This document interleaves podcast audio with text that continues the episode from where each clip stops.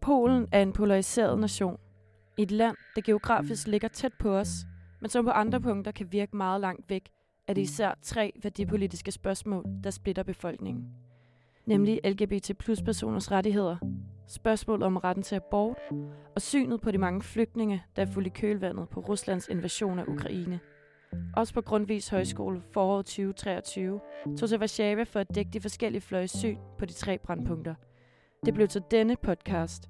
Velkommen til Polen Polariseret.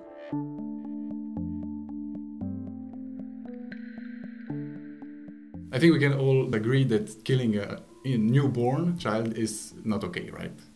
But the, the question then arises then when can you do that?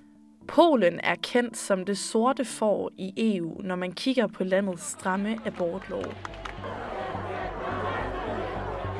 This is Warsaw in Poland, where thousands of people have been protesting against a near total ban on abortion. Sammenligner vi med dets europæiske naboland, er Polen langt bagud, når det kommer til vestens liberale strømninger om fri abort, ligestilling og seksuel frigørelse. Absolute majority of cases, a woman, young woman, has the freedom, this is the key word, to not have sex, simply, or protect herself, or be careful, or you know. På en solskinsdag i Warszawa møder vi Sebastian Møjvissen. I used to have a completely different opinion on the topic. Like when you say things, I hear myself just a few years ago, and the more I got in the topic, the more I um, it changed a little bit my perspective. Han arbejder for Otto Louis, et institut, som blandt andet kæmper imod fri abort. Our main areas, if I could say, of um, action are mas- mostly defense. We formulate it as the defense and the defense of family, freedom, life. Um, I would say these three keywords, yeah, family, freedom, and, and life. Men hvad er tankerne bag en stram abortlovgivning, og hvordan ser Polen sig selv i det europæiske landskab? Det undersøger vi i dag. I think we can still say for most Poles, abortion is bad. It's a little bit goo gaga language, but to be simple, it's bad. But the degree to which uh, some Poles are able to say it's acceptable if, and the list goes on, varies.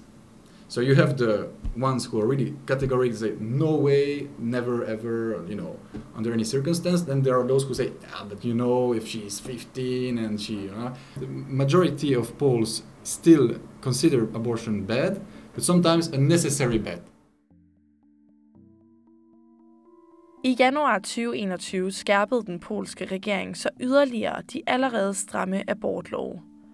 Hvor det før var lovligt at abortere, hvis morens liv var i fare, hvis graviditeten var resultat af voldtægt eller incest, eller som i de fleste tilfælde, hvor fosteret var misdannet, blev loven pludselig ændret.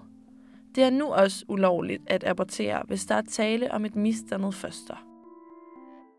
For 30 years, Poland's strict anti abortion laws had already set the country apart from its European neighbors. Over the past 10 years, strongly Catholic countries like Ireland, Argentina, Uruguay, and Chile have moved to liberalize their abortion laws. Only the US and Poland have tightened them. Og det, at verdens forskellige lande har så forskellige syn på abort, er også noget, Sebastian stiller spørgsmålstegn ved. I wrote uh, an article where I explained a little bit in a funny way. I, I try to be funny, but uh, that you know you have uh, let's let's say you are pregnant and you live in Denmark, but you because you're very distracted, you, you find out after 13 week, right? You can't end. Uh, I mean, kill your unborn child, uh, have an abortion, etc. In Denmark, it's illegal. My point is then you can cross the border to go to let's say to Sweden, where it's probably 21 weeks or 18 weeks, yeah. But then, you know, once again, let's push it to the extreme. You're in Sweden, and there I were too busy watching the scenery, and ah, I can't, you know, abort anymore. Let's go to England. It's like the human dignity of this uh, person inside you depends on where you are on the globe, which, when you think about it, is a bit it's nonsense, right? Because it's uh, subjective. Sebastian ønsker altså, at der er en objektiv sandhed, en slags fælles forståelse, når det gælder abortlov i EU.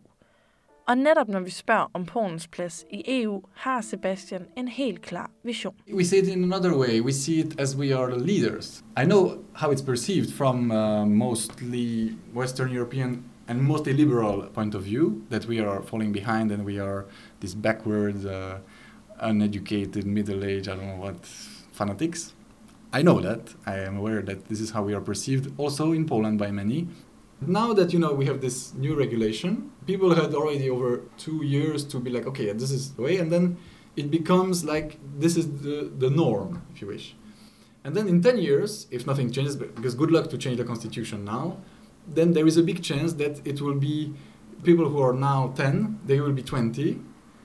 They will, you know, they will have grown up in an environment where there is no question of any abortion clinics. You know, we are in Poland here. What are we talking about? You know, that it will become exotic, if I can say this word, to have abort. Like they will look, many of them on Western countries, like they are still doing the abortion there. You know, Abortlovgivningen har dog ikke altid været interessant for Sebastian. Skruer vi blot et par år tilbage, så han helt anderledes på emnet. I used to be completely uninterested in the topic, like completely, like I couldn't care less. And then you know when you know you grow up, you start to have partners and stuff happens. I started to get interested in the topic. I had a situation where from close I saw a good uh, relative of mine having an abortion. I believed, and that changed too, that only the woman has uh, a word to say in the abortion or not abortion, which now I think is nonsense because if the man would not be there, the question would not arise. So, in my opinion, it's both. Uh, when a couple uh, conceives life, you know, they have sex and boom. Both has to say. I don't say that it has to be now a fight or whatever, but you know, I don't have to explain you the science that without the man, there is no pregnancy, right? I don't say that. Science says that. Abort- og ligestillingsdebatten går ofte hånd i hånd herhjemme, og da vi åbner op for netop ligestillingsspørgsmålet, har Sebastian også en helt klar holdning. Don't you, don't you think that it's fixing something with on things we don't have really any effect on? You know, the fact that only women give birth, we don't know why it's like this. It's just you know nature or God, you call it how you like, but we are not equal. First of all, as women and men, by definition, because of that. So are we equal to women? You know, I want, for example, it's just a joke, but I want to give birth. Do I have the right to? No, I, I can't. It's just I can try all I want, and but so we are not equal in this point of view, men and women.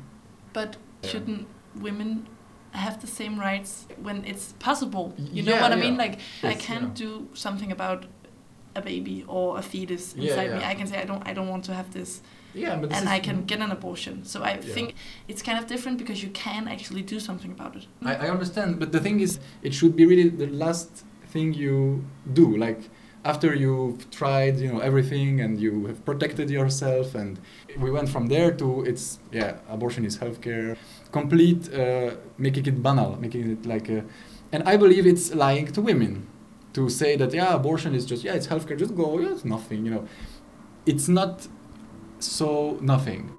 Abort er ikke en banal handling, men derimod et livsændrende spørgsmål for alle involverede. Men hvem der skal besvare spørgsmålet og tage beslutningen, er ikke helt ligegyldigt for Sebastian. Uh, this, this is the situation. The man would like to keep the child, but the woman doesn't. Exactly. I just wish them patience and communication, and hopefully they can. You know, we talk about potential situation. It's not a precise case, but find a way that uh, you know stay together and uh, raise this child. This is the pink idealistic idea. But to be honest, if I have to choose, I think that sounds the best. Ronaldo, Cristiano Ronaldo, best player ever. He was supposed to be awarded, for example. So like, yeah, that would have a big miss for football. Selvom det er en skræmmende tanke at mangle Ronaldo i toppen af fodboldverdenen, har Sebastian ikke formået at ændre vores skandinaviske syn på abort og velfærd. Der var dog én ting, vi kunne blive enige om. But thank you so much. Thank you. My, my pleasure. if I want to tell you one thing, is what I, I wish really is to have more, like we, with this kind of conversation, that, you know, we listen. Yeah. It's cool. Yeah, yeah. We don't have to agree. Agree to disagree. Yeah, we agree Yeah. to disagree, and it's very important to have these discussions. Du har lyttet til fjerde afsnit af serien Polen Polariseret. Udsendelsen var produceret af Trine Knudsen, Theodor Vorting og Naja Isaksen.